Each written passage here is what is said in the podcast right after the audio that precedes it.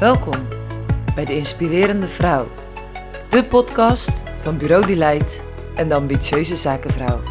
Ik ben je host Marij van den Berg en elke maand ga ik in gesprek met een inspirerende vrouw die jou zeker wat te vertellen heeft. Luister mee, geniet en laat je inspireren.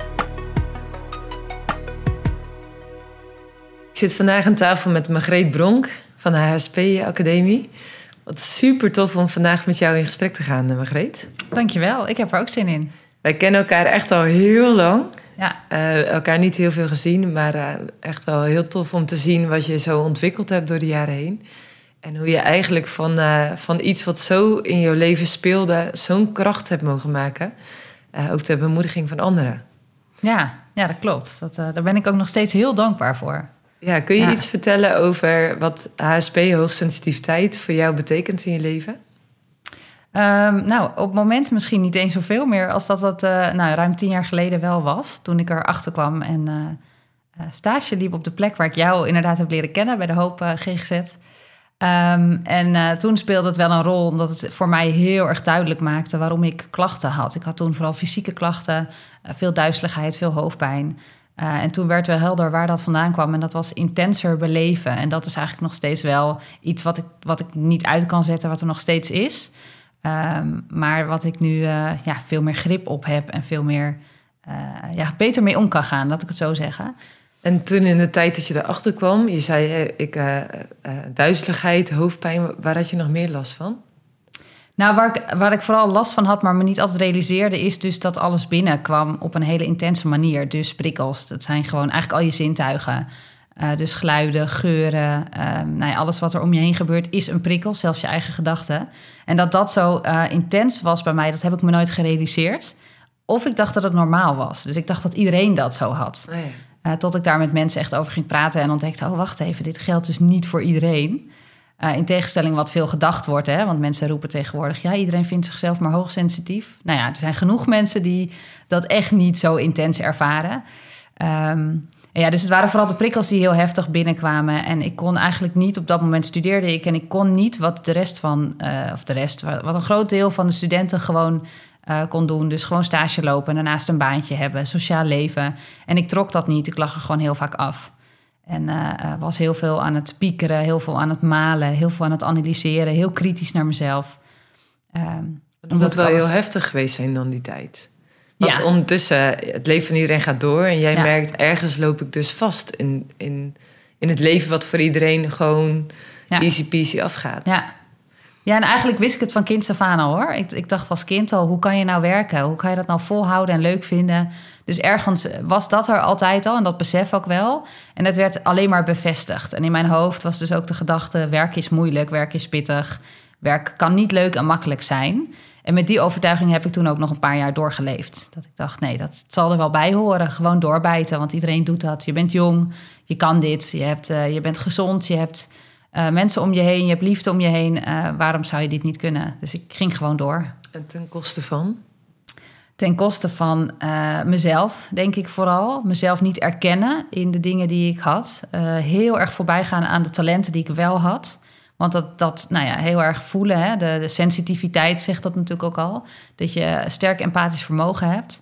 Uh, dus alles, ook, alles wat er verteld wordt, dat komt ook gewoon heftiger binnen. En daar kan je hele mooie dingen mee doen. Maar dat wist ik niet. Het was voor mij vooral een last. Dus ik ging heel erg voorbij aan mijn talenten, waar ik goed in was, welk leven wel bij mij zou passen. Uh, omdat ik het wilde doen zoals het hoort en het in het straatje past. Want dan hoef je niemand uit te leggen waarom je keuzes maakt. Hoef je niemand te verantwoorden. Uh, en vooral niet naar jezelf. Want vooral in je eigen hoofd denk je: nee, maar doe nou maar gewoon normaal. En uiteindelijk ten koste van mijn gezin. Uh, toen ik 30 was, toen liep ik echt vast op mijn werk. Dat ik dacht, ik, ik kan dit gewoon niet. Ik kan niet en twee kleine kinderen hebben. Ik had toen twee meisjes. Nou ja, er zit twee jaar verschil in. Dus een babytje en een meisje van twee nog. Um, en dat hield ik gewoon, ik, ik kon het niet. Ik liep helemaal vast. Ik werd echt, nou ja, ik zeg altijd, de wolk in mijn hoofd werd steeds donkerder. Die werd steeds grijzer. En ik dacht heel vaak, waar doe ik het voor? Uh, wat heeft het voor zin? Wat heeft het leven überhaupt voor zin? Um, ja, waarom zou ik uh, mijn bed nog uitkomen? Nou, dat deed ik wel omdat ik twee kinderen had. Ze zijn ook echt een stukje van mijn redding geweest. En ik, ik zou het dus geen depressief willen noemen, want dat is echt anders van wat ik hoor van mensen die depressief zijn. Maar wel een soort zinloosheid die er de hele tijd aanwezig was. Het lijkt me zo heftig dat je op een dag merkt of bewust wordt van de gedachte: wat heeft mijn leven dan nog voor zin? Dat Ja. je eigenlijk zo die zinloosheid zo voelt. Ja. En dat je zegt, hè, die wolk in mijn hoofd werd steeds donkerder. Ja. Schrok je van die gedachten? Nou, ik denk dat ze er altijd een beetje zijn geweest. Omdat het iets is, als je hoogsensitief bent, word je daarmee geboren. Dus het is zo verweven in mijn leven dat, dat het voor een heel groot deel die zware deken er altijd wel was. Ook in een, in een eh, vrij onbezorgde jeugd die ik heb gehad. Liefdevolle ouders, veel veiligheid gekend. Eh, dus eigenlijk altijd goed gehad. En toch was het leven voor mij altijd zwaarder dan dat ik bijvoorbeeld bij mijn eigen zus kon opmerken. En bij mensen om mij heen. Ehm, dus ergens was het normaal. Alleen ik begon op den duur uit te spreken naar Jacob, mijn man. Ik, ben, eh, ik voel me zo vaak niet gelukkig. Met het besef, je bent niet altijd gelukkig. Geluk is iets wat je in momentjes beleeft. Maar vooral het besef, ik ben niet gelukkig. Terwijl ik heb jou, ik heb mijn kinderen, ik heb gezondheid, ik heb mijn werk. Eh, ik heb geen grote trauma's meegemaakt in mijn jeugd. En toch ben ik niet, heel vaak niet gelukkig. Hoe kan dit? Wat is dit? Eh, waarom is dit er? En ook wel het besef, dit wil ik mijn kinderen niet gaan geven. Want als ik hierin blijf hangen, ja, dan kom ik op een dag echt mijn bed niet meer uit. En die moeder wil ik niet zijn. Dus echt de keuze gemaakt, dit moet stoppen, dit moet klaar zijn. En dan, dan ga je op reis. Ja, ja die is niet makkelijk geweest. ik zit hier nu echt heel, kan ik oprecht zeggen, met, met meer geluk in mijn leven dan dat niet gelukkig zijn.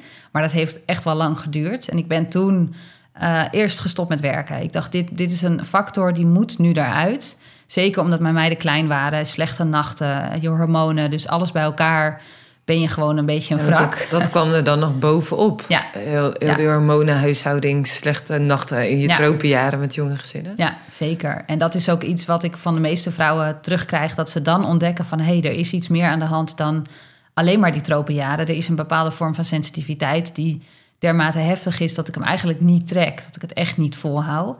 Eh, waardoor ook heel veel mensen om je heen zeggen... ja, maar dit hoort erbij, dit is bij deze jaren zo. Ja, dus er ligt heel veel oordeel op. Je moet het Nou, gewoon vol ja, kunnen houden. ja. Of in ieder Ja. geval, je bijt je erin vast. Het hoort erbij. Ga maar gewoon door. Ja, Eh. Terwijl het echt als heel... Ik, ik, ik ken dat niet, maar het klinkt als echt heel zwaar. ja.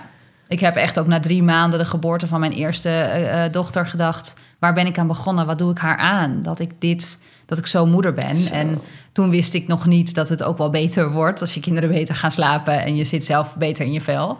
Maar toen vond ik het wel echt dat ik dacht... ja, maar waarom, waarom heb ik dit gewild? En ik weet dat er meer moeders zijn die dat denken. Ook moeders die niet hoogsensitief zijn. Dus het is niet altijd alleen maar te wijten aan hoogsensitiviteit... Uh, maar het gevoel van uh, deze moeder wil ik niet zijn, is er heel lang geweest. En, en tot ik op een dag dacht, dit moet stoppen. Dus mijn baan heb opgezegd, uh, op zoek ben gegaan naar hulp. En daar liep ik eigenlijk wederom weer in vast. Dat ik, dat ik wel wist, dit is mijn hoogsensitiviteit. Het is geen burn-out, het is geen depressie. Dit is, nou ja, achteraf noem ik het verwaarloosde hoogsensitiviteit. Dat is een beetje een term die ik er voor mezelf aangehangen heb. Van het heeft niet de aandacht gekregen de jaren daarvoor die het wel verdiende. En dat is niet erg, dat is ook ergens oké. Uh, want er komt altijd een moment in je leven dat je er voor het eerst aan moet beginnen. Ja. Ja, en ergens moet dan ook die, uh, dat verlangen ontstaan. Of in ieder geval die vurigheid gaan ontstaan van ik wil dit niet langer. Ja. Ik wil echt nu dat er verandering komt. Ja. Uh, en dan moet je er ook in vastbijten, want verandering komt niet over één nachtje slapen. Nee, zeker niet. Nee. Maar hij kwam wel sneller dan ik had gedacht. Ja. ja. Ja, ik ben hulp gaan zoeken en ik kreeg, kreeg eigenlijk vrijwel overal een dichte deur. Mensen wilden me echt wel helpen, maar ik merkte, jullie raken niet het stukje wat ik nodig heb. En het is niet uh, gewoon even op zoek naar hoe, hoe, kan je beter leven. En mijn huisarts zei, ja, je moet gewoon je grenzen leren kennen. Terwijl ik mijn ja, grenzen vrij gewoon, goed ken. Gewoon je grenzen leren Ja, kennen. Ja, ja. Doe je even. Doe je niet even. En het is iets wat ik best wel goed kan. Ik kan, ik kan uh, relatief gezien voor een vrouw, voor een moeder... Uh, heb ik dat in mijn jeugd wel echt meegekregen. Om je grenzen te bewaken op een gewone, goede, positieve manier. Dus ik kan heel goed nee zeggen. Ik kan heel goed voor mezelf zorgen. En dat heb ik altijd gekund. En toch ging het niet goed. Um, dus ik, ik, nou, ik merkte bij hulpverlening en bij uh, ook wel een andere HSP-coach die ik toen bezocht heb... Uh, dat hij ook zei, ja, je, je weet eigenlijk zelf alles al. Maar ik dacht wel op elke plek, ja, maar ik ben zo niet gelukkig. Ik heb wel hulp nodig. Maar die kwam dus eigenlijk niet. En toen dacht ik, ja, dan ga ik mezelf wel coachen. Dan ga ik zelf wel aan de slag. ehm, als niemand anders dit kan doen en ik weet blijkbaar zoveel, ja, dan moet ik het zelf maar gaan doen. En toen ben ik veel gaan lezen en erover na gaan denken. En heb ik gewoon, omdat ik niet meer werkte, heel veel tijd toch zelf thuis uh, in mijn eigen hoofd kunnen hebben en alles op een rijtje kunnen zetten. En na drie maanden kon ik er woorden aan geven. En toen dacht ik, ik heb me eigenlijk mijn leven lang eenzaam gevoeld en onbegrepen en anders. En allemaal niet in het extreme. Dus net niet dat je zegt het is een depressie, maar wel altijd een deken van die drie termen. En toen ik die drie termen kon erkennen, dus ik voel me anders en, en onbegrepen en daardoor eenzaam, toen gaf ik zoveel erkenning aan mezelf dat, ik, dat er al een hele grote last wegviel. En dat ik vanuit dat punt ook door kon. Dus dat was eigenlijk al na drie maanden nadat ik gestopt was met werken. Dat er dus ruimte ontstond daarvoor. En dat ik dacht, oh ja. En toen is er echt een last van mijn schouders gevallen... die ik, die ik nou, toen al 30 jaar met me meedroeg.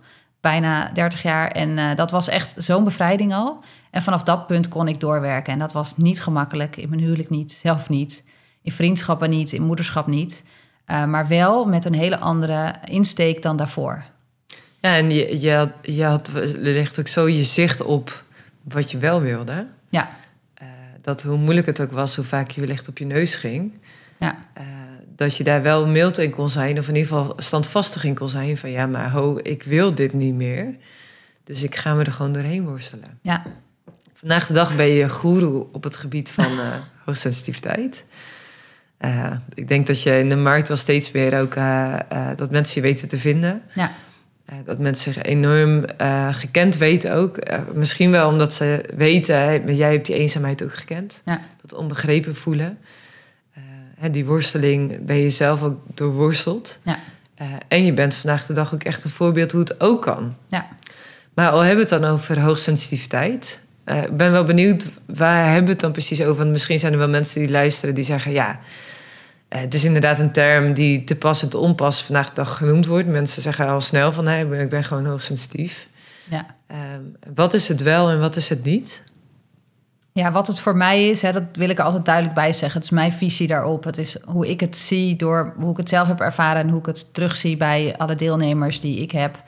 Uh, is het vooral een, uh, en wat ze ook onderzocht hebben. Er is onderzoek gedaan naar hoogsensitiviteit. Het is niet veel relatief gezien. Het zijn om en nabij de 70 onderzoeken in de afgelopen nou, 30 jaar, geloof ik ongeveer. Dat is en dat, Nee, dat is echt heel weinig. Er zijn onderwerpen waar wekelijks 70 onderzoeken naar worden gedaan. Dus dat is relatief heel weinig. Er komt wel steeds hetzelfde uit die onderzoeken. Uh, en dat is als je mensen onder een scan zou leggen en je zou iemand die wel hoogsensitief is en iemand die niet hoogsensitief is, onder dezelfde omstandigheden met dezelfde opdracht uh, uh, nou, een hersenscan maken, dan zie je dat er bij iemand die hoogsensitief is meer hersengebieden oplichten. Dus het brein is actiever. Uh, dus er staat meer aan. Dat verklaart ook waarom je zintuigen sterker zijn. Waarom alles sterker en heftiger bij je binnenkomt. En vooral het sociale deel is actiever dan gemiddeld. Ja, dus bijvoorbeeld, uh, je moet in de scanning moet nadenken over een geliefde die bijvoorbeeld ziek is of zo. Ja. Zoiets. En dan zie je dus dat daar zo'n significant verschil Ja. is in hersenactiviteit Ja. tussen iemand die hoogsensitief is of niet. Ja, maar zelfs bij een rekensom. Dus het is niet alleen maar, het is niet alleen maar verbonden met het sociaal aspect, echt met alles. Het heeft op alle gebieden, staan er gewoon meer hersenen aan. eh, of meer gebieden aan in je hersenen. Eh, en dat verklaart ook waarom hoogsensitieve mensen bijvoorbeeld in de klas niet graag een antwoord geven, klassikaal. Want die denken eerst voorbij al die hersengebieden eh, van geef ik wel het goede antwoord? Ik kan het ook verkeerd doen. Klopt het eigenlijk wel? Wat vinden andere mensen van mij op dit moment? En waarom zou ik die aandacht vragen? Er gaat heel veel gebeurt er in dat hoofd. Lijkt voordat er dodelijk wat- vermoeiend gewoon. Ja, dat kan het ook wel zijn. Het dodelijk vermoeiende is vooral dat het systeem er niet op ingericht is. Kijk, ik werk eh, een aantal jaar voor mezelf. Ik ben mijn enige collega in die zin. Ehm, ik weet precies hoe ik met dat brein om moet gaan. Dus ik kan hem heel goed inzetten. Ik weet, want door die, die vele hersengebieden kun je ook heel snel denken. Kan je heel snel ehm, eh, verbanden leggen, heel goed analyseren. Alleen dat komt er niet altijd direct uit, omdat je daarover nadenkt. Uh, en zolang jij in een omgeving zit waarbij dat niet gebruikelijk is, waarbij dat niet gezien en erkend wordt. Um, en dat is in schoolsystemen en werksystemen, zonder daar een schuld neer te leggen, want dat is er niet. Um, is dat heel ingewikkeld. anders. Je hebt gewoon Ja, een waanzinnig ja. mooi brein. Ja, eigenlijk Eh, is het alleen, fantastisch. Alleen binnen het huidige systeem, Ja. eh, dat merk je wel met meerdere Ja. kenmerken van mensen die echt enorm krachtig kunnen zijn wanneer Ja. ze in de juiste omgeving eh, te werk worden gestaan. Net zoals dyslexie. Dat zijn mensen die zoveel creativiteit hebben, Ja, beelddenken. Zeker. Mensen met ADHD, die, die hebben ook waanzinnige eigenschappen. En we framen dat allemaal een beetje negatief. Ja, dat, nou ja, het, het is ook in heel veel gevallen voor een leerkracht bijvoorbeeld heel ingewikkeld om te zien en om te snappen wat het dan is. Want bijvoorbeeld dat, dat trage reageren, dat wordt ook nog heel vaak in het, aspect, uh, autisme spectrum gezien. Dus wordt het heel veel verward met uh, autisme en andersom. Hè. Iemand die hoogsensitief is, wordt voor autisten aangezien. Ja, ik vind het woord autist altijd een beetje naar, maar snap wat je bedoelt, of je snapt wat ik bedoel. En, um, en andersom ook. Uh, dus er is ook heel veel verwarring en heel veel overlap. Maar in de oorzaak zijn het allemaal wel hele verschillende dingen die er aan de hand zijn. En wat is het dan niet? Wat is hoogsensitiviteit niet? Um, nou, in, in Nederland heb je het woord hooggevoeligheid en hoogsensitiviteit. Dat betekent hetzelfde. Uh, ik noem altijd het woord hoogsensitiviteit, omdat voor mij in dat sensitieve, dat empathisch vermogen zo mooi naar voren komt. En in hooggevoelig klinkt het heel erg alsof je zelf heel erg gevoelig bent, dus niks kan hebben. En dat is niet mijn ervaring, want ik hou erg van harde grappen over een ander, over mezelf. Um, en juist door dat reflectievermogen kan ik heel eerlijk zijn, daarin ook vaak over mezelf. Dus ik, ik hou daar juist wel van. En die gevoeligheid zou heel erg zeggen dat, dat ik heel teer ben en heel broos en dat iedereen rekening met me moet houden. En dat willen heel veel hoogsensitieve mensen juist helemaal niet. Die vinden dat helemaal niet fijn als iedereen maar voorzichtig met ja, ze omgaat. Ja, met satijnen handschoentjes uh, ja, benadering. Ja, en dan ook aandacht. Dan krijg je een vorm van aandacht waar je helemaal niet op zit te wachten. Die je helemaal niet wil. Um, en in, in België hebben ze ook het woord overgevoeligheid. En uh, die gebruik ik dus ook altijd. En dat is als het niet aangeboren is. Dus op het moment dat je hoogsensitief bent, is dat gewoon in je DNA, is gewoon erfelijk. Zit vaak ook in de familie dan. Um, en bij overgevoeligheid ontstaat het door trauma. En vaak stapeling van trauma, waardoor je gevoelig wordt voor wat andere mensen doen. Je wordt, uh, het is eigenlijk meer een overlevingsmechanisme in dat geval. Je wordt alert op mensen om je heen. Je, uh, je voelt je heel veel onveilig. Dus je bent heel scherp op hey, hoe gaan andere mensen doen. Terwijl vanuit dat hoogsensitieve brein ben je vooral analytisch. Dus ben je ook wel kritisch. Hey, wat vindt iemand van me? Uh, wat denkt iemand over me? Maar dat is meer omdat je dus continu aan het analyseren bent en vrij kritisch bent naar jezelf. En bij overgevoeligheid is het uh, ja, gewoon kwetsbaarder zijn op een, andere, op een ander vlak ook eigenlijk wel. Ja, dat is wat ik herken. Uh, vanuit in 2018 heb ik vijf ziekenhuisopnames gehad aan de hand van een onderzoek met heel veel complicaties. Ja. En aan de hand daarvan heb ik herbelevingen gekregen. En in die tijd daarna kon ik gewoon echt heel veel dingen niet uh, verdragen. En was ik dus echt overgevoelig. Ja. Uh, stel je voor een verjaardag in een ruimte, gewoon in een woonkamer. Nou, dan kon ik uh, twee seconden binnen zijn en dan was ik volledig kapot. Ja. Tot tranen aan toe. Nou, dat kan, je, kan ik me nu niet meer voorstellen. Maar dat was toen echt zo heftig dat je geen licht kunt verdragen, geen geluiden kunt verdragen. Dus ja. die, die, die overgevoeligheid. Ja ja, is ook echt wel uh, heftig. En toen kreeg ik ook heel vaak de vraag van mensen: maar ben je dan niet hoogsensitief? Ja. Ik zeg, nou, volgens mij heeft het gewoon te maken met muziek zijn. Ja. Uh, en dat herstel kwam, maar het duurde gewoon echt heel lang. ik ben nog steeds daarvan aan het herstellen. Ik merk nog steeds dat ik steeds meer daar wel tegen kan, tegen prikkels. Uh, maar je zegt, hè, hoogsensitiviteit is ook echt aangeboren. Ja, nou ja, wat jij maakt een heel mooi onderscheid tussen een karaktertrek of een klacht. En hoogsensitiviteit is gewoon een karaktereigenschap. Ook eigenlijk niet meer of minder dan dat. En dit is niet iets wat in jouw karakter zit. Mensen die jou kennen zullen weten dat dit niet jouw karakter is. Dit is niet iets wat je als kind al had. En daar zit een heel groot verschil. Uh, en, en er is overlap in uiting, hè, wat je heel duidelijk vertelt. Want hoe jij op die verjaardag zat, dat kan iemand die hoogsensitief is ook zeker hebben. Maar dus wel met een hele andere oorzaak. Dus ook een hele andere aanpak is er nodig. En er zijn hele andere dingen nodig. En jij hebt het over herstel. Dus voor jou is het iets waar je uh, um, op een gegeven moment misschien van af kan komen. of een bepaalde mate van uh, mee kan leren leven. Maar voor iemand die hoogsensitief is, is het zo verweven met je karakter. Dat je, moet, dat je het eigenlijk moet gaan koesteren. En eigenlijk moet gaan zien als: oh ja, dit is zo'n stuk van mij. Dit is blijkbaar ook mijn talent en mijn kracht. Ook al vind ik het woord kracht hier altijd een beetje lastig in. Want dat geeft heel veel druk dat het een kracht moet zijn. Maar dan is het wel een stuk van je karakter, wat er dus ook altijd al is. En, en dat is de vraag die ik ook vaak stel aan mensen. Um, als ze twijfelen, zeg ik, was dit er als kind al? Want als het later is ontstaan, is het zelden hoogsensitiviteit. Dan is het meestal iets uh, wat door een trauma is ontstaan. En een trauma kan ook betekenen uh, dat je moeder bent geworden. Hè, dat is, uh, het is natuurlijk niet een, een, we noemen het niet een trauma, maar er is wat dermate veel gebeurd. Ja, dus je zo ja. verandert, je leven zo verandert dat dat ergens een vorm van trauma ook is. In, en ook dan kan het ontstaan. Ja, dat is wel mooi. In uh, maart neem ik met Simone een, uh, komt de podcast online met Simone. En zij is echt expert op het gebied van dat zoveel vrouwen na dus zwangerschap en geboorte uh, hun leven niet meer zo waarderen als daarvoor. Dus dat heeft wellicht ook hiermee te maken. Dat is echt heel mooi. Zij is daar echt in gespecialiseerd. Uh, dus ik kijk echt heel erg uit naar dat gesprek met haar hierover. Want heel dat mooi. is zo mooi. Gewoon om dat soort dingen ook echt in de openheid te brengen. Uh, want wat jij ook zegt, soms denk je, je bent dus de enige. maar heel vaak ben je niet de enige. En laten we juist die verbinding met elkaar opzoeken. zodat we elkaar dat duwtje in de rug kunnen geven als we daar zelf al doorheen gegaan zijn. En uh, ik ben ook wel heel erg benieuwd. Hey, je zei van uh, op mijn dertigste liep ik echt vast. Uh, inmiddels ben je dat zelf ook doorworsteld. Ook omdat mensen tegen je zeiden vanuit de hulpverlening... Ja, je weet echt zoveel, maar ja, je had gewoon praktische handvatten nodig.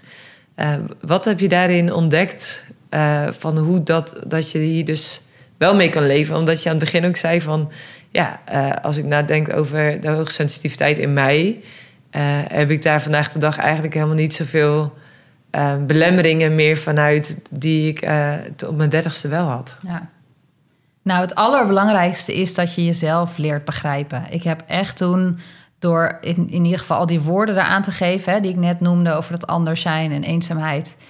Um, dat ik mezelf daardoor al beter begreep. Dat ik kon terugkijken naar een jeugd waarin ik eigenlijk dus heel gelukkig was als kind, maar die deken er altijd overheen hing en snapte van, oh ja, wacht eens even, daar komt dat dus vandaan. Er was altijd een gevoel van, niemand snapt mij helemaal. Niemand heeft echt door wat er met mij aan de hand is. Um, en dat uh, kun je bij de ander blijven leggen, maar dat heeft heel weinig zin en dat geeft vaak alleen nog maar meer ja, ik vind het woord teleurstelling heb, heb ik niets van mee. Maar uh, nou ja, ik kan zo voelen van elke keer weer die, die dichte deur. En als je jezelf leert begrijpen, en dat ben ik toen gaan doen, van hoe zit ik dan in elkaar? Wat heb ik dan nodig? En dat zijn geen grote dingen. We denken vaak in hele grote dingen, maar het zijn juist die hele kleine dagelijkse dingetjes. Wat doe ik aan in de ochtend? Hoe, hoe zit mijn haar? Uh, ik heb heel lang niet met los haar kunnen leven, want ik werd helemaal gek van het haar in mijn gezicht. Maar gewoon door dat te snappen en te weten.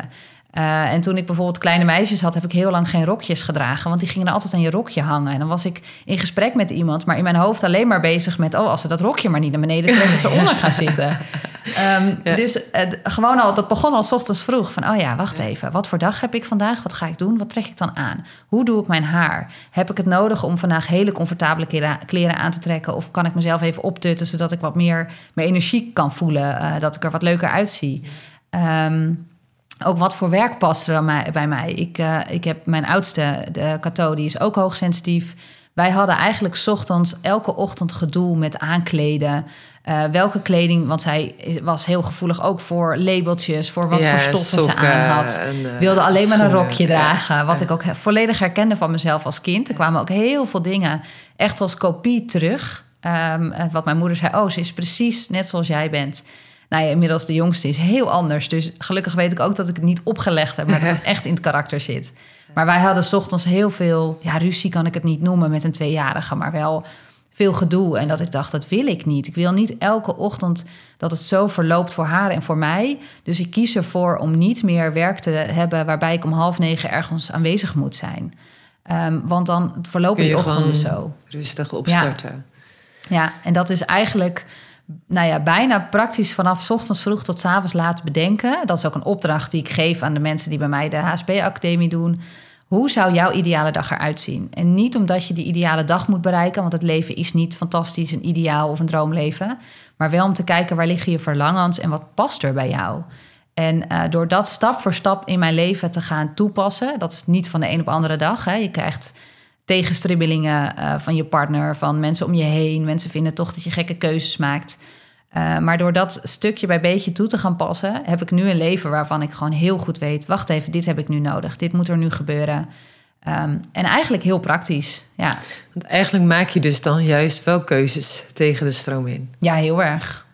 En die Door zijn je ook echt baan opzeggen, uh, uh, daarin echt durven kiezen van... oké, ik ga niet meer in een half negen tot vijf baan werken. Uh, daar is wel moed ook voor nodig. Ja, ik weet ook dat mensen op dat moment zeiden wat dapper. En dat ik alleen maar dacht, ja, maar anders was ik er misschien niet meer geweest. Want ik was zo doodongelukkig aan het worden. Uh, dat voor mij, ik, ik, ik zei ik heb echt bij de huisarts op een gegeven moment ook een vraag gekregen: ben je suicidaal? En toen zei ik: nee, dat ben ik niet. Maar er zijn wel dagen dat ik wil verdwijnen. Dat ik eigenlijk gewoon niet wil zijn. En niet eens in mijn bed wil blijven liggen, want dan ben je er nog steeds met je eigen gedachten. Maar wel echt wilde verdwijnen. Gewoon. Echt uitzippen. Ik zat in de trein naar mijn werk in Amsterdam en dat ik dacht, ik kan ook gewoon blijven zitten. En eh, niet naar mijn werk gaan. Maar ja, dan kom ik ergens anders uit met mezelf, met mijn ellende. Uh, wordt er ook niet beter van. Ja, ze zeggen wel eens, hè, je, eh, mensen reizen heel de wereld over om dan maar ergens vandaan weg te verdwijnen. Ja. Maar je neemt jezelf altijd mee. Ja. Dus ergens moet je die confrontatie met jezelf aangaan. Absoluut. En dus ook echt die vraag dus stellen die jij zo mooi stelt. Van, maar wat heb je dan nodig? Wat Ja. is jouw gebruikshandleiding? Ja. En misschien willen we daar wat liefst wegblijven... omdat we die confrontatie met onszelf niet aan willen gaan. Ja, die is heel pijnlijk. Die is heel confronterend, want het is, het is echt bij mij... Hè, dat zeggen mensen ook tegen mij wel, daar ben ik vrij direct in, zeg maar. Ehm, eh, ga de confrontatie met jezelf aan en niet met de wereld. Want die kun, je, die kun je niet winnen. Je kunt de wereld niet veranderen. We denken heel vaak, ja, maar onze partner heeft allerlei issues. Klopt, hebben ze vaak ook, heeft iedereen. Ja. En als hoogsensitieveling Ja. zie je ze ook nog eens heel sterk bij je partner. Weet je precies de vinger op de zere plek te leggen. Ik weet al hoe mijn man gaat handelen voordat hij dat zelf weet. Ehm, en dat, maar dat mag je niet van ze verwachten. Je mag niet bij anderen neerleggen dat zij beter voor jou zorgen dan dat je dat zelf doet. Dat begint echt bij jezelf. En eh, door goed voor jezelf te gaan zorgen. En dat is dus niet eenvoudig. Dat is inderdaad heel veel keuzes maken tegen de stroom in. Eh, tegen eh, de norm in. En, en, tegen, en zonder dat je een ander daarbij kwetst. Hè? Zonder dat een ander daaronder hoeft te lijden. ehm, kun je heel veel keuzes maken voor jezelf die gezond zijn. Eh, maar die zijn wel ingewikkeld. Ik moet terugdenken aan een vrouw, want dit is natuurlijk universeel. Hè? Hoe zorg je goed voor jezelf? Uh, Ja. Ik heb in de coachingspraktijk zoveel vrouwen die een burn-out hebben of bijna. Die komen dan nog net soort van op tijd en dan zitten ze bij mij en dan, ja, dan komen de registers open en dan merken ze, oh, wacht even, ik heb eigenlijk heel lang niet voor mezelf gezorgd. En tijdens mijn coachopleiding sprak ik een vrouw en zij had darmkanker. En zij zei, ik heb zo de verantwoordelijkheid voor mezelf. Want als ik goed voor mezelf zorg, en ze was inmiddels uitbehandeld en herstellende, ehm, eh, dan weten mensen ook om me heen, hé, hey, maar ik, ik weet dat jij goed voor je zorgt. Eh, en dat gaf hun ook de vrijheid om daarin ook gewoon haar uit te nodigen. Ook te weten van, oké, wanneer het op is, dan geef je dat aan en dan zorg je goed voor jezelf. En dat is zo bevrijdend als we allemaal leren van, oké, wat is dan mijn gebruiksaanleiding? Want ik heb hem ook. Ja. Uh, ook al ben ik niet hoogsensitief. Uh, uh, als ik goed voor mezelf zorg, dan, dan kan ik daar juist ook op een goede manier van betekenis zijn voor anderen. Ja. Uh, voor mijn partner, voor, voor de mensen om me heen. En alles wat daar, wat daar ook mee samenhangt. Ja, juist. Ik, ik, ik denk dat dat inderdaad juist nodig is. En het is altijd heel cliché. Uh, je moet eerst voor jezelf zorgen, voor, je, voor een ander zorg. Dat voorbeeld van dat zuurstofmasker ja, in, de, ja, in, in, het de, in, het vliegtuig. En dat, dat, zo is het natuurlijk ook wel. Alleen um, zeker bij, bij vrouwen is dat best wel een dingetje. Hè? Denken we, ja, maar we moeten eerst voor de kinderen zorgen. Ja, maar we moeten... En daarmee put je jezelf gewoon, kun je jezelf zo uitputten... dat je juist een korter lontje krijgt. Dat je juist niet... Uh, ook niet kan genieten van je kinderen. En dat is iets wat ik wel veel zie gebeuren tegenwoordig. Dat we niet meer kunnen genieten met onze kinderen. Dat het heel erg is, oh, als ze maar op bed liggen. Als ze eindelijk maar naar school gaan. Als ze maar het huis uit zijn, dan is het weer tijd voor mij. En die twee kun je samen laten gaan. Het is tijd voor mij met mijn kinderen erbij. En dat is genieten van je kinderen, genieten van het moederschap. He, samen met alle struggles die, daar, die daarin zijn. Er is nog nooit iemand aan die struggle van opvoeden ontkomen. Dat willen we heel graag. Ja. He, dat, is, dat is iets wat vrouwen tegenwoordig willen. Heel veel hoogsensitieve vrouwen zeggen ook... ja, het voelt als falen. Joh, fouten maken is een van de belangrijkste dingen om te doen in om een te opvoeding. Leren, ja. um, en, en daar leert je kind van. Als je maar blijft praten, als je maar contact blijft maken... als je je kind maar ziet... en niet alleen maar bezig bent met overleven... oh, als ze maar groot worden, dan... Ik, ik hoorde laatst zelfs iemand zeggen: Ik hoef geen kinderen, want ik zie de voordelen er niet van. Toen dacht ik, nou, volgens mij is dat ook niet helemaal de motivatie uh, voor kinderen. Maar um, toen noemden ze allerlei struggles en, en, worstelingen. En toen dacht ik, ja, dat komt ook tegenwoordig zoveel naar voren. Het is mooi hè, om het leed te delen. Het is mooi om de pijn met elkaar te delen. Maar die lijkt tegenwoordig wel voorrang te krijgen op het mogen genieten. Uh, van dat ze er ook zijn en, ja. en daar de tijd en ruimte voor nemen. Maar ja, geluk is natuurlijk het, het meest ultieme wat je moet bereiken in onze maatschappij. En, ja. en geluk ja. lijkt maakbaar. En, en kinderen zijn vaak een, een toevoeging voor je geluk. Maar dat is echt niet altijd zo. in het opvoedingsproces, weet ik Nee. veel. Van vieze luiers tot aan gebroken nachten. Ja, Tot aan inderdaad strijd met een kind van twee die het allemaal zelf wil doen. ja, Tot aan een puber die, Nou. eh, die eh, het dak eh, eraf laat gaan.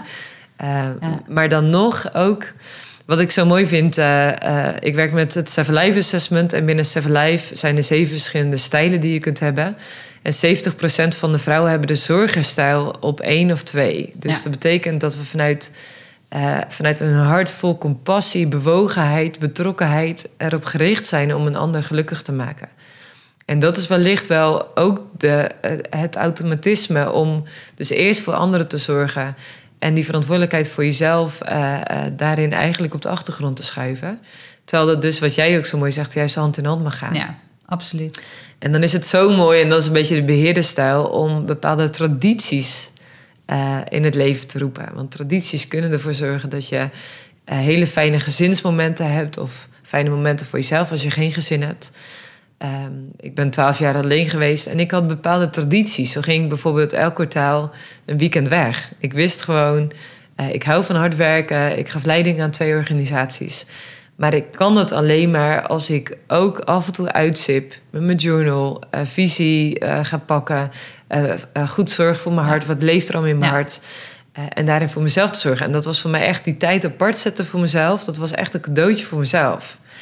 En ik merk nog steeds dat ik echt denk, ook nu ik getrouwd ben, van eh, kom op Jan, we moeten elk kwartaal gewoon even uitzippen. Ja. We werken allebei Ja. fulltime plus.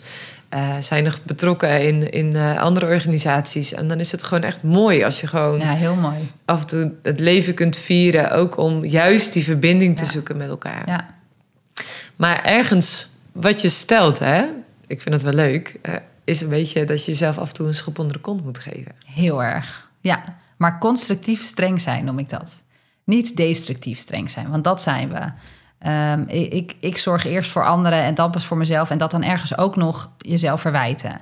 Ehm, maar ook gewoon heel kritisch zijn op jezelf. En jezelf continu naar beneden halen. Ehm, en wat willen we tegenwoordig? We willen daarvan af. Terwijl ik geloof niet dat je ervan af hoeft te komen. Ik geloof ook niet dat je ervan af kan komen. Maar dat je het gewoon de ruimte mag geven. Dat het er gewoon mag zijn. En dat is dus weer het bestaat naast elkaar. Ehm, dat je kan balen van jezelf en tegelijkertijd kan denken: oké, dat doe ik nu even. Is ook je kritische stem die je een beetje scherp houdt in het leven. Een stukje geweten is ook heel erg oké. Ehm, en dat, nee, dat geldt bijvoorbeeld ook voor onzekerheid. Ook, ook- ik las dat laatst bij iemand die zei: Wil je van je onzekerheid af? Doe dan deze training. Toen dacht ik: Ik wil helemaal niet van mijn onzekerheid af. Want dat is een hele menselijke, gezonde eigenschap. Als Die kennen we niet- allemaal. Die kennen we allemaal, ja. En als je die niet hebt, nou ja, dan zit je in het narcisme spectrum. Ja. Wil je ook niet. Nee. Eh, terwijl de, de grondslag van narcisme is ook onzekerheid. Ehm, maar eh, dat, dat wil je helemaal niet. En dat maakt je ook helemaal geen leuk mens als je nergens onzeker over bent. Want dan zou de hele wereld bang van je worden, denk ik. Ehm, dus het is een hele mooie menselijke eigenschap die we heel groot maken, waar heel veel nadruk op wordt gelegd. Terwijl als je denkt, oké, ja, ik ben onzeker. Ja. Ik zeg heel vaak tegen vrouwen die ik coach, ik vind mezelf soms stom, soms leuk, soms mooi, soms lelijk. Bestaat allemaal naast elkaar, mag allemaal zijn. Ik geef het even de ruimte, ik laat het even langs gaan. En daarna gaan we weer door. En continu wel streng zijn en die schop onder mijn kont geven. Hoe kan ik ervoor zorgen dat ik dan verbeter? En dat ik het een andere keer anders doe. Is dat ook nodig om het anders te doen? Heel vaak is het niet zo nodig. Nee. Maar het vinden we gewoon. het? Ja. Ja, ja. Ja, ik zit nu eh, zelf ook in een proces van iets eh, eh, binnen verlies. Iets, iets wat heel kostbaar is, wat je dan verloren bent. En dat voelt ook een beetje zo. Dat, dat is. Soms komt het voorbij, is heel grillig. Dat is misschien met gedachten ook wel zo. Dat je gewoon bij tijd en wijle ook merkt... Dat, dat, het komt even voorbij. En, Ja. en geef je dat stukje in jezelf ook aandacht... Eh, en nodig je dat ook vanuit mildheid en genade uit van... hé, hey, maar je kunt het ook vanaf deze kant bekijken. Of kom eens, gewoon ook dat vriendelijk Ja. soort van uitnodigen... alsof dat je een kind aan de hand meeneemt... om, om weer een stapje de grote wereld verder in te zetten. En, en te gaan verkennen. En daarin ook te weten, je mag ook spelen. En je mag dingen leren en dingen verkennen. En. Juist daarbinnen is ook echt heel veel moois. Ja, en ik denk ook dat wat je zegt, dat is. Hè? Dat, dat ehm, we willen dingen voorkomen, we willen dingen afgerond hebben. Laat het er gewoon even zijn. Laat het gewoon bestaan. En, en dat is ook het verschil. We streven heel erg naar geluk. Maar uiteindelijk wat ons leven alleen maar vervult is zingeving. En bij zingeving hoort pijn. Uh, en bij liefde hoort pijn. En als er, als er geen, geen liefde is, dan is er misschien ook geen pijn. Maar dan heb je dus ook die liefde niet. Dus het, is, het gaat zo hand in hand met elkaar. En we leven in een wereld waarin we dat lijden maar willen wegstoppen. En wat, wat gebeurt er? Ik noem het altijd, het zijn de laadjes in je hoofd. En het gaat lekker zitten rotten daar als je dat laadje maar dicht houdt. En op een dag komt het eruit. Uh, en dan is het klaar vaak, hè? dan lig je eraf. Ja, en dan is de, de, de, de schade gigantisch. Ja, ja, dat zijn denk ik, dat is burn-out, depressie, uh, scheiden. Dat zijn allerlei uh, gevolgen waarin de gebrokenheid alleen maar nog veel groter is dan de gebrokenheid die de pijn in de essentie had. Hè? Het verlies in de essentie had. En ik heb ook een um, paar maanden geleden een masterclass gegeven over verlies met een, een verliestherapeut. En ehm, die zei ook zo mooi dat ze een, een, een klant had en die, of een cliënt, een, nou ja, ook van die nare woorden, maar iemand bij haar kwam en die zei: Maar ik, ik ben zo verdrietig. Ik weet niet meer wat ik met mezelf moet. Ik ben zo verdrietig. En toen zei ze ook: Maar je doet het zo goed, want er is zoveel liefde geweest. Hij was zijn vrouw verloren. Is zoveel liefde geweest. En je bent eigenlijk alleen maar zo keihard aan het rouwen. Je bent zo goed bezig. Um, en dat zie je dan zelf niet door alle pijnen heen, omdat je de pijn dus gewoon toelaat en gewoon een plek geeft. Maar hij kan je natuurlijk zo overspoelen dat je denkt: ik, ik weet niet hoe ik hiermee moet leven. Dus het is ook goed om dan iemand op te zoeken. Hè, dat, hij, dat hij bij haar kwam en dat zij dat hem kon teruggeven: van ja, maar je bent dus heel goed bezig. Er wordt heel vaak gezegd tegen vrouwen: wat ben jij sterk? En dan wil ik eigenlijk alleen maar roepen: nee, dit is niet sterk. Dit is de makkelijkste weg is het wegstoppen. En de moeilijke weg is het toelaten, maar dat is wel de kortere weg vaak. Ja. En de waardevolle weg. Dat is echt zo, ja. Dus dat, soms zijn we alleen al bang voor de gedachte dat het ons zou kunnen overspoelen. Ja. Ja, die is vaak het grootst, denk ik. Daar zijn uh, hoogsensitieve mensen heel goed in. Ja. dat is wel bijzonder, want dit is precies waar mijn laatste boek over gaat, naar Wauw. Uh, dat gaat juist ook over lijden, wat als leven uh, moeilijk is. En dat kennen we allemaal. Ja. We kennen allemaal vormen van lijden, van eenzaamheid, van pijn, van moeite. En het enige, de enige weg is door de pijn heen. En dat, uh, dat is ook wel heel erg ja, een mooie uitnodiging die je daarin doet. Hey, en uh, wat ik zo mooi vond aan, aan datgene wat je deelde, is dat je zei: er ligt zoveel moois ook in hoogsensitiviteit. Ja. Uh, wat, wat, wat, je schetste daarin al van hoe snel dat je kunt denken en hoe Stel je voor dat iemand echt gewoon luistert en merkt... ik worstel er zo mee. Gewoon, ik, ik kan dat nog niet pakken. Dat je zegt, hey, ja, Margreet, hoe is het mogelijk dat je kunt zeggen... het is echt iets, eigenlijk iets heel erg kostbaars, iets waardevols. Ja. Wat, wat zou je dan tegen zo iemand willen zeggen? Nou, allereerst, um, ik, noem altijd een soort fases waar je doorheen gaat. En begin met de fase van uh, um, het accepteren. En acceptatie betekent niet dat iets leuk of goed is. Acceptatie betekent gewoon: oké, dit is er klaar. Hoef je ook niet met andere mensen te delen, hoef je niet per se over te praten, tenzij je mensen om je heen hebt waarbij je dat veilig kunt doen. Uh, maar vaak sta je zelf nog zo aan het begin van het hele proces dat delen het vaak nog meer verwarrend maakt dan helder maakt. Um, maar ga je erin verdiepen. Ga, begin gewoon met voor jezelf zeggen: Oké, dat is ook waarom ik de term hoogsensitiviteit gebruik. Voor mij is het niet zo heel belangrijk of dat, er, of dat het precies wel of niet is. Um, en, en dat die term er is, die, ik gebruik de term zelf privé eigenlijk nooit naar andere mensen toe. Ik vertel andere mensen ook nooit over mijn dochter dat ze hoogsensitief is. Puur voor mijn werk doe ik dat, omdat je elkaar daarmee kan vinden. Dus je kunt gaan googelen op de term hoogsensitiviteit. Wat is dat dan? Wat past er bij mij? Boeken over lezen. Dat zijn allerlei dingen, um, dan leer je er nog niet mee omgaan. En dat is wel de, de valkuil uh, van mensen in het algemeen. En zeker ook bij hoogsensitieve mensen. Ze willen het eigenlijk heel snel opgelost hebben. Het moet zo gauw mogelijk van last naar kracht. Ja, nou, die, dat, dat, dat bestaat eigenlijk niet, zeg maar. En daar gaan in ieder geval jaren overheen. Ja, of stapje 1, 2, 3, 4, 5 ja. en dan ben ik er. Dus ga eerst eens gewoon kijken... oké, okay, ik accepteer het is hoogsensitiviteit... of waarschijnlijk hoogsensitiviteit. Ik ga daar vanaf nu voor mezelf even de, een, een, een, nou ja, een komma achter zetten. Oké, okay, hoogsensitiviteit en nu, hoe nu verder? Uh, ga gewoon informatie opzoeken. Uh, ik geef bijvoorbeeld regelmatig gratis masterclasses. Uh, kijk eens bij zo'n masterclass van... hey, gaat het over mij? Mensen willen ook heel graag een diagnose. Nou, die is er niet, omdat het geen disorder is. bestaat het is er geen ook een diagnose. belangrijke noemer natuurlijk. Ja, hè? Dus, ja. dus wat je Ja. stelt, het is een karaktereigenschap. Er is niks mis met je. Nee, absoluut niet. Nee, sterker nog, eigenlijk werkt je brein dus heel optimaal. Ehm, dus ga daar gewoon eens nou ja, in onderzoeken van wat is dat dan en wat betekent het voor mij? Um, ik, ik zie heel vaak accounts op Instagram bijvoorbeeld voorbij komen waarin gezegd wordt: dit is hoogsensitiviteit en dat. Ja, krijg ik een beetje jeuk van, want daarmee leg je iets vast wat heel vaak niet zo is. En kun je ook heel veel leugens over je eigen leven uitspreken. Dan wordt er gezegd: je houdt niet van een feestje, je houdt niet van groepen. Nou, ik hou van een feestje en ik hou ook van groepen. Um, er zijn zoveel uitzonderingen daarbinnen. Dus zoek naar wat er dan bij jou past. Nou, ga zo'n masterclass eens kijken. Ga eens een boek lezen. Ga je er gewoon eens in verdiepen om eerst eens te kijken... wat is het dan precies en wat is het dan precies voor mij... en welk stuk daarbinnen zijn mijn struggles? Waar loop ik tegenaan? Uh, er zijn ook mensen die zeggen, ja, maar ik heb er helemaal geen last van. Ja, ja dan, dan hoef je er ook helemaal niks mee. Dan moet je daar lekker niks mee doen. Die hebben vaak al van jongs af aan geleerd hun leven heel erg op hun eigen manier. die zijn heel authentiek, die zijn heel autonoom. Dus die kunnen heel goed keuzes maken die bij ze passen. Um, dus die hebben er veel minder last van vaak. Uh, en het leuke is ook, dat blijkt ook uit onderzoek, dat iemand die hoogsensitief is en zichzelf daar goed in ontwikkelt, um, meer excelleert dan gemiddeld. Maar als dat niet zo is, dat je ook een veel grotere dip hebt dan gemiddeld.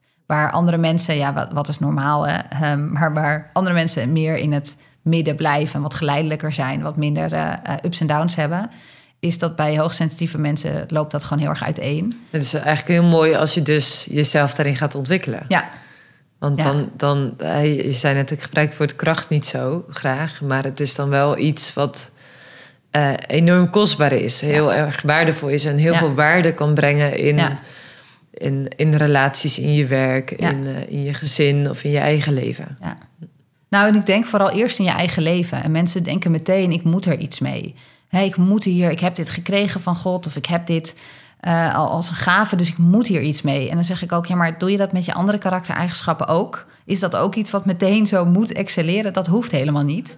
Je mag het ook neutraal zien. Alle, alle karaktereigenschappen zijn in basis neutraal en hebben hun minder mooie kanten en hun mooie uh, kanten. En dat is ook zo met hoogsensitiviteit. En als blijkt dat je daar echt wat mee kan of mee moet, dan kan dat. Maar meestal zit dat al verweven met je karakter. Dat je bepaalde dingen doet die je niet eens doorhebt, die voor een ander waardevol zijn en die wel voortkomen uit die, dat empathisch vermogen. Uh, en voor mij is het nu op dit moment bijvoorbeeld heel erg belangrijk, natuurlijk in mijn werk, maar ook in mijn gezin. Ik kan mijn kinderen heel goed zien en lezen. Ik weet wat zij nodig hebben. Ik kan heel goed keuzes maken van, nou, wat hebben zij dan? Wat, wat is goed voor ze? Wat is niet goed voor ze? Uh, dus op dit moment is het vooral de focus op: oké, hoe zet ik het in voor mijn gezin? Maar dan focus ik niet op: oké, hoe zet ik precies mijn hoogsensitiviteit in? Nee, hoe zet ik mij als mens en met mijn karakter in op een manier die bij hen past? En tegelijkertijd ook af en toe een stapje terug doen, omdat ik alles maar wil bespreken uh, en elke emotie naar boven wil halen. En dat mijn dochter soms letterlijk zeggen: Mama, ik wil er nu even niet meer over praten. Um, en dat ik de rem er even op moet gooien. En denk: Oké, oké. Okay, maar wel echt waanzinnig dat ze dat dus al aangeven. Ja. Dus dat ze ook wat jij geleerd hebt vanuit huis, grenzen aangeven. Ja. Dat ze dat dan ook even zeggen: hé, hey, mam, nu even niet. Ja, zeker. Goed. Ja, en hebben ook geleerd om aan elkaar te vragen. Dus als ze uit school komen, zeg ik ook: wil je dat ik er naar vraag? Wil je over school praten of niet? En dat kunnen ze ook heel duidelijk aangeven dan. Ja. ja. Ook mooi, hè? En ook dat je dan jezelf dus ook niet afgewezen voelt als ze zeggen: Mam, ik wil even niet delen over school. Nee. Want dat is natuurlijk dan de dynamiek die dan ook weer kan spelen. Van, uh, van uh, ik wil nu even niks delen. Ik wil gewoon even lekker zijn. Gewoon lekker even... Nou, ik denk dat mijn kinderen... Ik, ik zie mijn kinderen zelden... Wat ze, ze kunnen soms best wel dingen roepen. Maar ik zie dat eigenlijk nooit als een persoonlijke afwijzing... en veel meer een worsteling bij hen zelf. En als ik echt onaardig ben geweest en ze geven dat terug... ja, dan is het een afwijzing en een terechte. Dan moet ik er ook iets mee. Want dan hebben ze, heb ik ook iets gedaan of gezegd wat niet oké is. Dus dan, uh, dan speelt mijn geweten ook terecht op. Dat ik denk, hé, hey, wacht even, hier moeten we over praten. Want dit was niet leuk wat ik deed. En ik reageerde vanuit mijn eigen pijn en mijn eigen vermoeidheid. Um, en tegelijkertijd mag dat er ook zijn. Hè? Dat kan ook gewoon gebeuren als je daar maar weer over praat en het goed maakt en wel kijkt. Nou ja, en dat de volgende keer beter doen. Ja, dus dat zelfbewuste. En ik denk dat, dat dat voor elke vrouw dus aanspreekt is ook van om te, goed te kunnen adresseren wat is van jou, wat is van een ander. en het daar ook te laten, zeg maar, echt te kunnen onderscheiden, is het echt iets voor mij? Ja. Um, uh, vanuit hoogsensitiviteit kun je natuurlijk alles internaliseren. Eh, Ja. Alleen al blikken die je van mensen ziet, dat je Ja, denkt, absoluut. dit gaat dus over mij. Ja. Maar dat je daarin dus echt jezelf traint en leert om dus te leren onderscheiden wat is waar en wat is niet waar. ja, absoluut. Dus dat is natuurlijk ook echt een hele spannende. Ja. En de tijd gaat echt super snel voorbij. Eh, eh, het is echt heerlijk om met jou hierover te kletsen. Ik ben nog wel benieuwd als laatste stukje binnen deze podcast. Eh, uiteindelijk zei je van ik ben gestopt met werken. Ik wilde ook niet voor mijn dochtertje eh, haar opjutten s ochtends. Ja. Eh, en elke ochtend dan ja, strijd hebben of gedoe hebben, zoals jij dat zei. Eh, en uiteindelijk ben je dus de HSP-academie begonnen. ja. Inspireer je echt honderden mensen met ook de, de training die je daarin hebt. Kun je iets vertellen, ook voor de ondernemende vrouwen, hoe je dat aangepakt hebt? Ja, ik, ehm, ben, ik ben eigenlijk nooit bewust HSP-coach geworden. Dat is het grappige. Ik ben ooit begonnen als professional organizer. Eh, heb dat werk een Oh, tijdje dat weet gedaan. ik. Ja. daar ben ik ooit ook mee voor mezelf begonnen. Maar ik merkte dat ik vooral gesprekken aan het voeren was. En dat ik het wel bij iemand thuis die, eh, die een verhaal heeft. Hè, als je een professional organizer nodig hebt, heb je echt wel een flink verhaal meestal. Dat ik dat eigenlijk niet trok. Alles wat er in dat huis hing aan sfeer en die verhalen, dat was eigenlijk veel te veel voor iemand die hoogsensitief is. En eh, toen heb ik heel veel gesprekken gevoerd. En toen dacht ik, nou, misschien moet ik dit dan gaan doen. eh, professional organizing voor hoogsensitieve vrouwen. En toen heb ik een coach in de hand genomen. En die, die vroeg maar door. En tot ik op het punt kwam, maar eigenlijk wil ik wel ook hoogsensitieve vrouwen alleen maar gaan helpen. Eh, en toen ben ik gewoon een, ehm, een masterclass gaan geven. En dat was toen nog gewoon live ergens. Eh, hebben we gewoon een, een locatie afgehuurd. En ik, nog niet eens, ik wist nog niet wat ik ging vertellen. Maar ik dacht, oké, ik ga het gewoon doen. Ik ga de kaartjes verkopen. Ik moet ergens beginnen. Nou, die was binnen no time uitverkocht. Serieus? En, eh, ja. ja, en vanaf toen één op één gaan coachen. Maar ik merkte in, ehm, in de coaching die ik gaf... dat ik steeds hetzelfde aan het vertellen was... en steeds hetzelfde aan het doen was. De verhalen leken allemaal zo enorm op elkaar. Dat is ook echt een troost in... je bent niet alleen, je bent niet de enige die denkt dat hij faalt als moeder, die denkt dat hij faalt als, als man, als vrouw, als nou ja, in alles wat je doet. Eh, die verhalen waren, hadden zoveel grote rode draad. Dat ik dacht, ja, dit kan ik nog jaren blijven doen. Maar dan kan ik veel minder mensen helpen. Eh, zeker omdat ik toen nog allebei mijn meiden thuis had zitten. Eh, die gingen maar een paar dagen naar de opvang en voor de rest thuis. Dus ik kon ook niet zoveel. En gesprekken als HSP'er zijn nogal pittig. Dus één of twee gesprekken op een dag was wel weer genoeg. Dat ik dacht, ja, daar kan ik het ook als ondernemer niet meer redden. Ik kan te weinig werken en te weinig omzetten. eh, tenzij ik hele dure prijzen ga vragen. Maar in het Ja, begin dat kan eh, ook niet. wil je Nee. dat zeker niet. En, Nee. en daar zit ook gewoon een grens in, vind ik. Eh, dus dat, dat, dat kon ik niet blijven doen.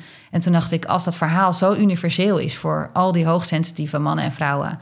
waarom ga ik dat dan niet opnemen? Dus dat ben ik in video's op gaan nemen... Eh, omdat ik mijn eigen eh, proces natuurlijk aan het doormaken was... en wel zag wat mij hielp. Ik zag wat andere vrouwen hielp. Toen was ik echt alleen maar op vrouwen. Nu zijn het voornamelijk vrouwen, maar komt er gelukkig ook af en toe een man voorbij. Ehm, en, eh, Dat is dan- al helemaal in de taboe-sfeer hangen ja, trouwens. ja, terwijl er net zoveel mannen hoogsensitief zijn als vrouwen. Maar daar is het vaak nog veel pittiger voor. En die belanden echt wel sneller ook in die depressie, eh, ehm, omdat ze er helemaal weinig mee kunnen. Eh, en die eh, komen gelukkig ook steeds meer naar buiten en die weten me ook steeds meer te vinden. Maar ik dacht wel, ja, ik moet, ik moet er wat mee. En eh, het fijne van zo'n online programma, dus ik heb video's opgenomen, een werkbuk gemaakt, is dat je het dus ook al in je eigen tempo doet, op je eigen plek. Je hoeft niet heen en weer te reizen. Je kunt gewoon even gaan zitten en al doe je het een, een, al tien minuten, ben je even bezig en gooi je je laptop daarna weer dicht. Daarmee kun je er ook al komen, hè, met hele kleine stapjes, in plaats van het moeten. Eh, hoogsensitieve mensen kunnen ook heel erg een goede dag of een minder goede dag hebben. Dan weet je ook van, oké, nu zit ik er zo bij. Nu is voor mij het juiste moment om even aan de slag te gaan. Ik heb het even nodig. En dat is ook voor iedereen verschillend. Hè? De een wil juist aan de slag als hij zich niet, niet zo lekker voelt. En de ander zegt, nou, even niet vandaag. Ehm, ja, en toen ben ik een online programma gaan, gaan maken. Dat heeft heel lang geduurd, want ik ben niet zo heel goed in geregisseerd werk doen. Dit soort dingen zijn voor mij veel fijner. Gewoon spontaan eh, vragen beantwoorden, eh, praten en zo. Dus dat was, daar heeft echt wel werk in gezeten voor mij om dat vast eh, te leggen. Ehm, ben ik bijna een jaar mee bezig geweest. En toen stond de HSP-academie daar. Maar die was gelukkig ook meteen... eh, ehm, nou, dat liep vanaf begin af aan eigenlijk heel goed. Inmiddels meer dan... ik denk dat ik tegen de 450 deelnemers wel zit... in de drie jaar dat hij nu bestaat. Ja, fantastisch. Ja, ja dus dat, het is echt heel gaaf om dat eh, eh, te mogen doen. En dat zoveel mensen daar ook zoveel baat bij hebben. En, en ik kreeg van de week nog een reactie. Die, iemand die had vorige week een masterclass gegeven. En dat is meer voor mensen die echt nog aan het begin staan van hun zoektocht. was iemand die de HSP-academie bij mij doet, die net begonnen is, die keek hem ook. En die zei: Ik merkte al verandering in mezelf ten opzichte van deze masterclass. Dat ik al niet meer die vragen had die daar gesteld worden. En dat ik al veel beter weet, wat jij net ook zei. Wat hoort er bij mij, wat hoort er bij een ander? Ik kan het onderscheid zoveel beter al maken. Zo. Ja, dat is fantastisch als je dat binnen no time kan. En het leuke is dus, dat kunnen hoogsensitieve mannen en vrouwen... omdat het brein zo optimaal werkt. Ja.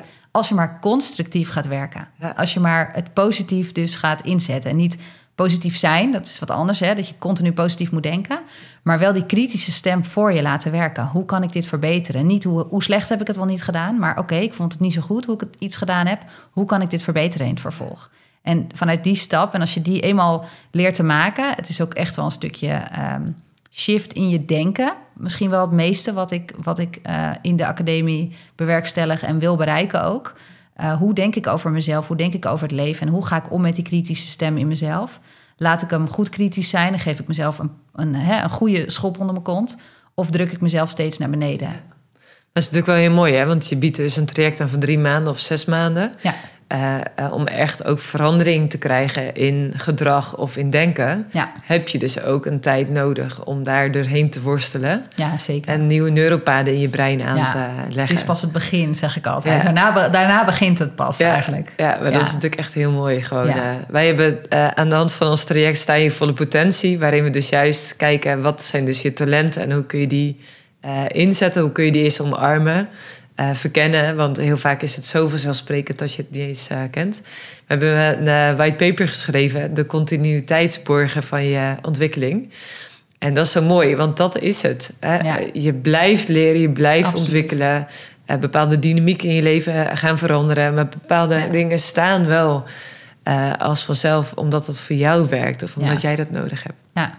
Ja, dat zeg ik ook altijd. Het is, het is niet nu klaar, het is een, maar je legt wel een basis waarin je leert denken. Ik zeg ook wel tegen vrouwen, eigenlijk word je een beetje je eigen psycholoog. Je weet continu welke vragen moet ik mezelf stellen om nu verder te komen. Ja. En eh, het seizoen verandert letterlijk in het leven natuurlijk, hè, door, ja- door het jaar heen. Maar ook in je leven heb je steeds weer een nieuw seizoen waarin je andere behoeftes hebt, waarin je andere dingen.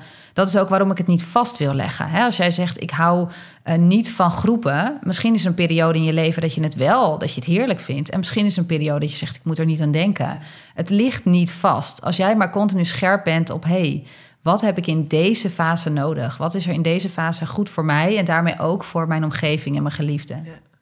Nou, echt enorm bedankt. Eh, het is misschien de langste podcast ever. maar ik hoop dat je als luisteraar enorm hebt genoten. Mocht je nou meer informatie willen hebben over Margreet of over eh, de training die ze heeft binnen de HSP-academie, eh, check dan margreetbronk.nl. En ik zal Margreet straks nog even vragen of dat ze nog wat boekentips heeft. Omdat ze zo zei ook van het begin met jezelf erin te verdiepen, te accepteren. En wellicht daarna heerlijk door te stromen binnen de HSP-academie. Eh, die zal ik dan in de beschrijving eh, erbij zetten. Enorm bedankt. Heel graag gedaan. Heel En tof. eh, onwijs veel mooie nieuwe avonturen gewenst. Ook, ook in dit komende jaar weer met je werk. Dankjewel.